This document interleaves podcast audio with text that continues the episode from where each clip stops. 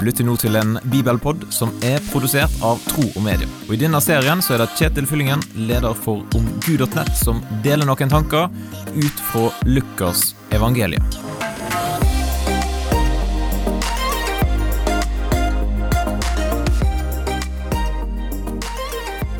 Noen ganger så går livet på skinner.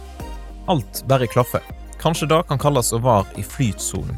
I evangeliet til Lukas kapittel 4 vers 14-15 så kan det se ut som om Jesus var skikkelig inne i flytsonen, for der står det I åndens kraft vendte Jesus tilbake til Galilea, og ryktet om ham spredde seg over hele området. Han underviste i synagogene og fikk lovord av alle. Vi skulle kanskje ønske at livet alltid var sånn, at ting gikk på skinner, og at vi kjente på mestring. Ja, at vi merka at vi fikk et positivt rykte som mange fikk høre. Ja, og at vi fikk høre lovord av alle rundt oss.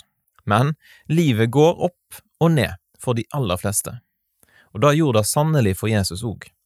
Han hadde jo nettopp kommet inn fra ørkenen, ifra ei kjempeutfordrende tid, og så kom han inn i en god stim, og det ser en lita stund ut som om ting skal gå veldig bra. Men når vi leser litt videre, så ser vi fort at det positive ryktet det avtar, og lovordene de stilner. Og mange som så på Jesus med beundring i blikket, bytter det ut med hat. Et poeng som går igjen flere ganger i Lukas kapittel 4, det er at Jesus handler ledet av Den hellige ånd. Ånden leder han ut i ørkenen, og i åndens kraft opererer Jesus i Galilea.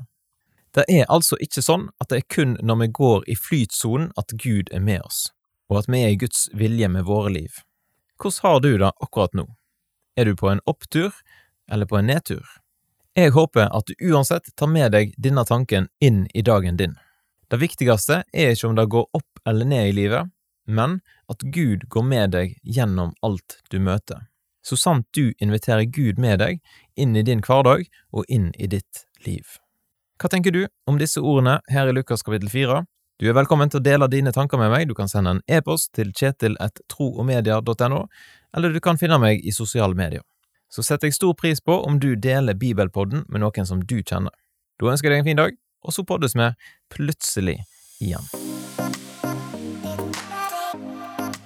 Takk for at du lytter gjennom denne bibelpodden. og Vil du gi en tilbakemelding på det som du hørte, eller vil du lære mer om kristen tro, da kan du gå til nettsida omgud.nett. Eller du kan sende en e-post til kjetil.